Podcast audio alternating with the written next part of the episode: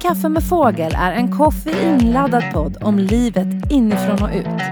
Här träffar du mig och mina gäster och vi pratar om personlig utveckling, att uppfylla drömmar, mental hälsa, entreprenörskap och mycket mer.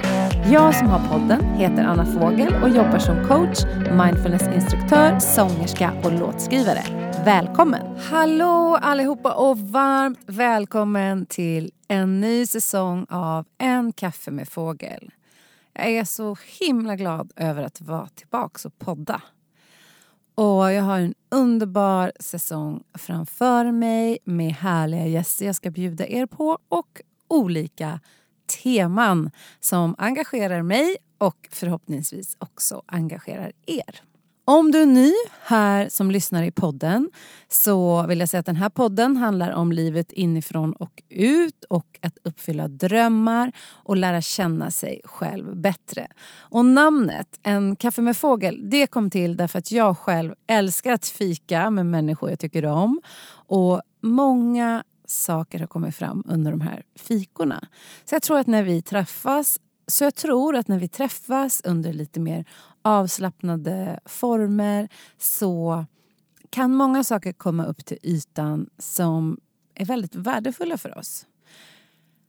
Och det var väl det jag ville skapa i den här podden. En känsla av att vi sitter här och dricker kaffe tillsammans och samtalar.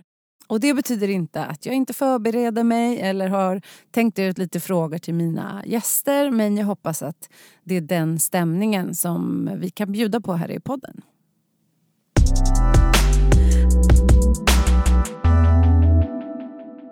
Men det jag tänkte bjuda på i det här avsnittet är några av mina topp fem från den här sommaren.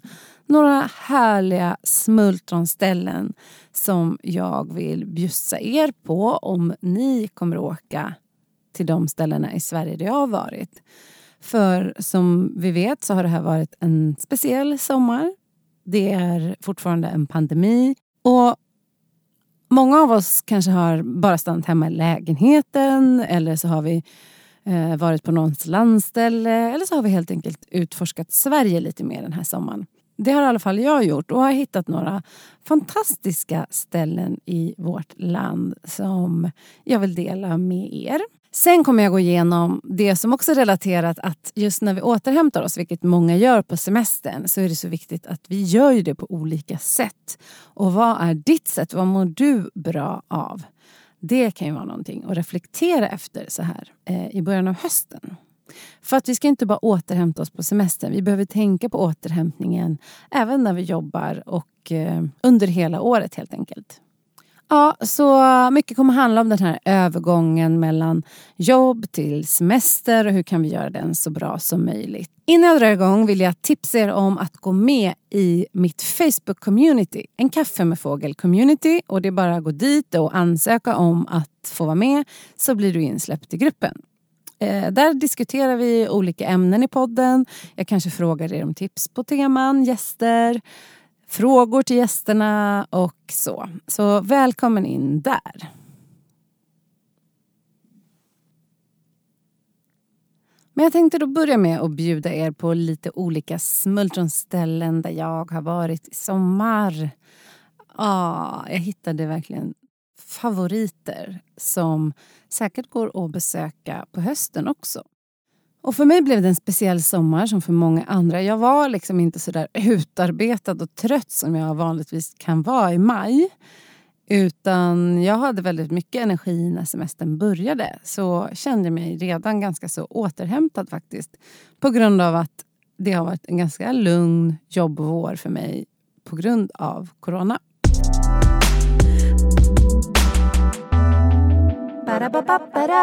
Smultronställen. Men mitt första tips då det är ju att stanna lite längre på någon av våra skärgårdsöar som finns nära Stockholm. För vi stannade på Utö i två veckor. Utö är en ö och du kan åka dit från Årsta havsbad. Och Det är en typisk sån där ö man kanske åker och stannar några dagar. Men vi stannade som sagt två veckor och det var himla fint att få landa där. Och jag tycker verkligen om Utö därför att det finns eh, ett bra bageri, det finns restauranger. Jag kan nämligen tendera att bli lite lappsjuk om jag bara sitter i en stuga i skogen som inte har något samhälle runt omkring. Och Utö har ju där nere vid gruvbryggan ett litet samhälle där det finns lite olika saker att göra. Så vi hyrde en stuga via Blocket och det var helt fantastiskt. Och därifrån hade vi cyklar så vi kunde göra massa utflykter. Bland annat så åkte vi till Åle och där har jag också varit flera gånger för där finns en av mina favoritställen som heter Båtshaket som ligger ute på klipporna.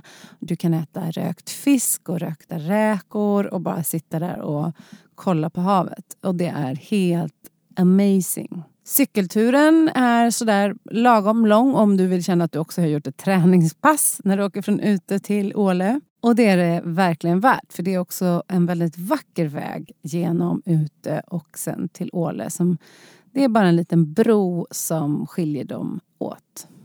Och både ute och Åle har ju det här fantastiska att det både finns klippor men sen också de här härliga vita sandstränderna som jag ju älskar och som ju faktiskt finns här i Sverige också på lite olika platser. Och från ute så kan du också ta en båt till Nottarö där det också finns härliga stränder och en riktigt bra krog. Ja, ni märker att jag vill gärna ha en bra krog dit jag åker. För jag älskar att bara ta god mat, sitta och ta ett glas rosé eller bubbel eller öl i sommarkvällen. Det är så mysigt. Ja, så till Nottare åkte vi över dagen och då tar man en båt ifrån en brygga på Åle. Sen bara vidare till Falkenberg och där var vi med om ett roligt boende. Vi hade nämligen litet glampingäventyr hemma hos Kattis och Lars som har inrett hela sin trädgård till ett underbart Thailands paradis och där du då kan hyra ett stort tält med riktig säng och allting. Eller en husvagn. Och så bor du där. Och så har de till och med byggt upp en bar där du kan sitta, hänga, du får frukost. De har byggt upp loungeområden. Och de älskar att åka till Thailand på vintern och har skapat en del av Thailand i sin trädgård i Falkenberg. Är inte det amazing så säg? Nära Falkenberg så finns det en strand som heter Olofsbo och där finns det också ett ställe, en västindisk restaurang som heter Flip Flop. Olofsbo havsbad är också en sån här vit härlig sandstrand. Och eh, Flipflop, det är en restaurang som jag kom på ägdes av min kompis pappa.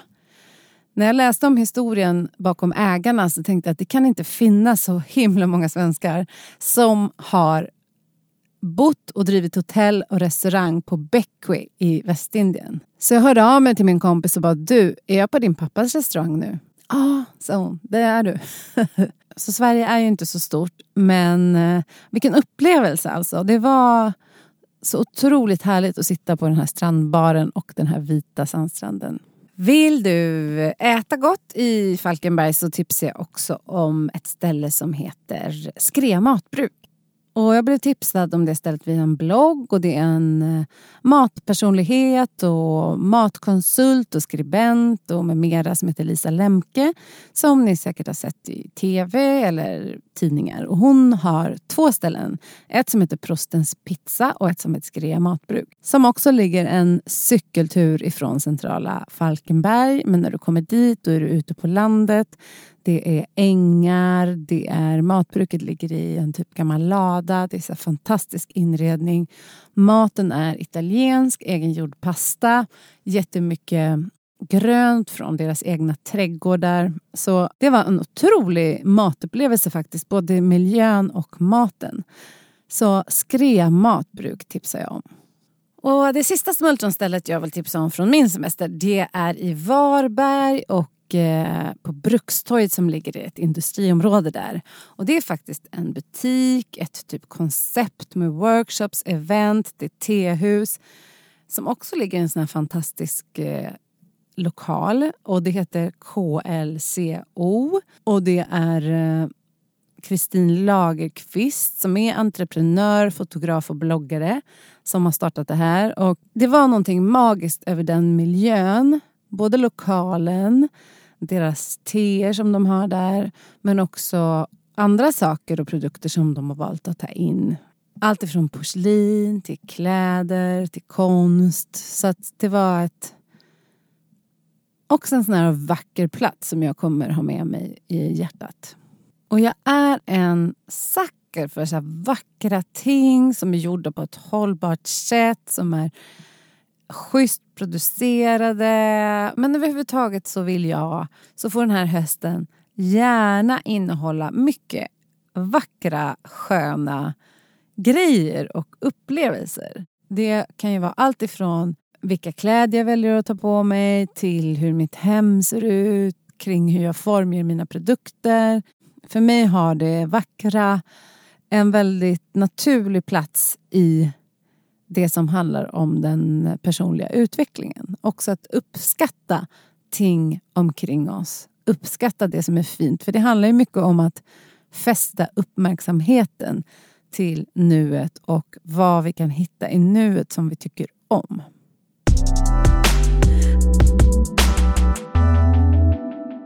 Ja, där hade ni några av mina smultronställen den här sommaren och jag hoppas att ni också har hittat era egna smultronställen den här sommaren. Framför allt så hoppas jag att ni har fått den typen av återhämtning eller semester som ni själva har velat ha och om du har jobbat så hoppas jag ändå att du har haft en bra sommar. Hitta en återhämtning som passar dig. För när det gäller återhämtning så är det så himla viktigt att vi förstår att vi behöver alla olika typer av återhämtning. Jag som är mindfulnessinstruktör och undervisar i meditation och så, och jag mediterar ju själv. Jag skulle aldrig försöka trycka ner det i halsen på någon eller säga att det här måste alla göra. Utan det gäller ju att hitta det som passar dig. Sen kanske det är så att du behöver testa någonting några gånger för att se om det passar dig eller inte. Och Anledningen att jag tar upp det här var för att jag lyssnade på en podd med två ganska kända profiler. Varav den ena har en blogg där hon har skrivit lite om vad hon gör på sommaren. Och då får hon en kommentar som säger så här. Lägg dig ner i en solstol och ta semester. Så uppenbarligen det är en person som tycker att den här andra människan bör ta det mer lugnt och uppenbarligen så stressas då den här personen av hennes beteende på sommaren. Och den här äh, personen blev såklart ledsen över kommentaren och kände att hur lätt är det att lägga sig i en solstol när man är småbarnsförälder till exempel. Och för henne betyder aktivitet också avslappning. Och jag kände bara, sluta!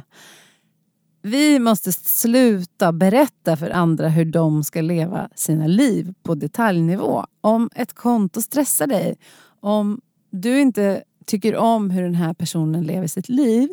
Det handlar om dig. Det handlar om att du får avfölja om du blir stressad. Vi kan inte gå in och peta i andra människors liv på det här sättet. Jag kände att jag blev så sjukt upprörd när jag läste det här att någon hade mage att säga till henne att hon skulle lägga sig och slappna av. Så med det sagt, hur återhämtar du dig? Vad behöver du för att få energi? Det handlar om att fråga sig själv vad man själv behöver och inte lyssna på vad alla andra tycker att man ska göra sa hon som har en podd om personlig utveckling med massa olika tips. Men jag hoppas att ni förstår att mina tips jag ger här är helt frivilliga och jag hoppas att de inspirerar er och gör de inte det så feel free to strunta i allt vad jag säger.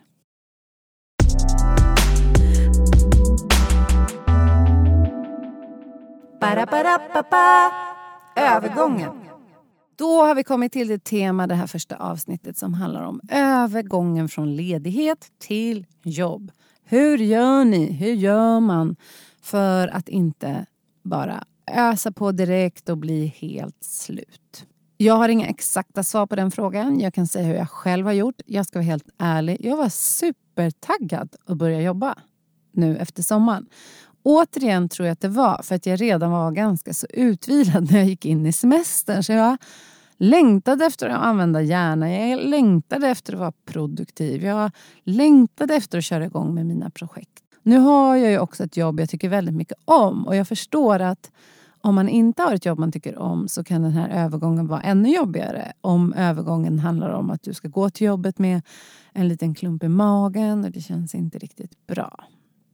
Men en sak som jag har gjort det är ju att fortsätta göra härliga saker efter jobbet som känns sådär somriga och härliga. Vi har haft fint väder så jag tog till exempel morgondopp på vägen till jobbet när jag cyklade till jobbet. Det var ett sånt där sätt att hålla kvar semestern. På min skärmsläckare på datorn satte jag en bild på den här sandstranden från Ålö för att liksom påminna mig själv om det där lugnet och havet och fortfarande ha kvar den känslan inom mig. Och sen så tänker jag mycket på det här. Vilket typ av arbetsliv vill jag ha? Sen är jag egen så jag har ju förmånen att kunna styra min arbetstid eh, ganska mycket och hur jag lägger upp mitt jobb. Oftast ser det ut så att jag jobbar från 9 till 5 i alla fall. Men det jag har tänkt att jag vill göra det är att jag vill lämna space för det här eh, småpratet. Eh, man möter någon i korridoren, man stannar till och har liksom lite tid utanför produktiviteten även på jobbet. Det är ju många som säger att ha en bra kaffemaskin på jobbet är det bästa du kan göra för att främja kulturen på arbetsplatsen. Jag kanske är benägen att hålla med.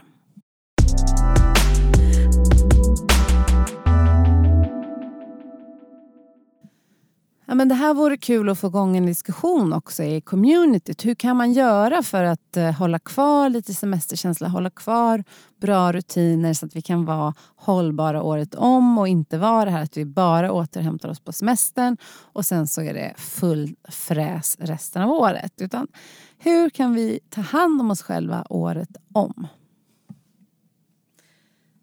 Jag kommer nog skriva något om det communityt så vi drar igång en tråd där då vi kan diskutera det. Bara, bara, bara.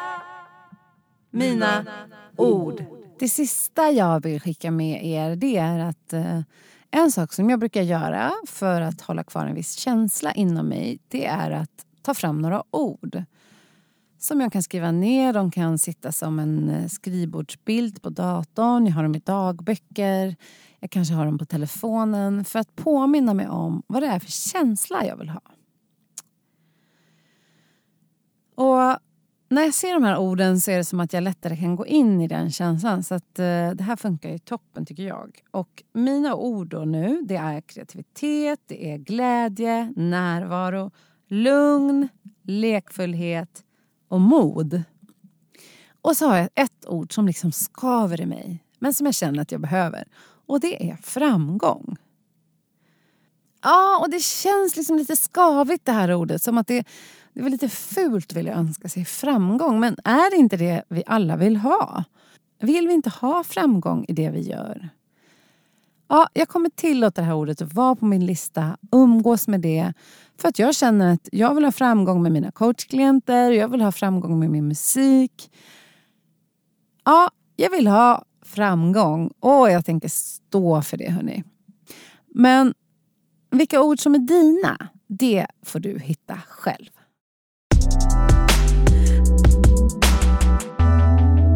Jag ska inte hålla det här avsnittet så jättelångt utan det här är ett avsnitt för att säga hej. Jag är tillbaks, podden är tillbaks, snart kommer det gäster. Skriv gärna i communityt eller på Instagram vad ni önskar för gäster och teman i podden. Det vore jättekul att få er input. Underbart! Ja, då säger vi så då. Tills vi hörs igen. Hej då! En kaffe med fågel är inspelad, klippt och producerad av mig, Anna Fågel. Följ gärna podden på Instagram, att en kaffe med fågel.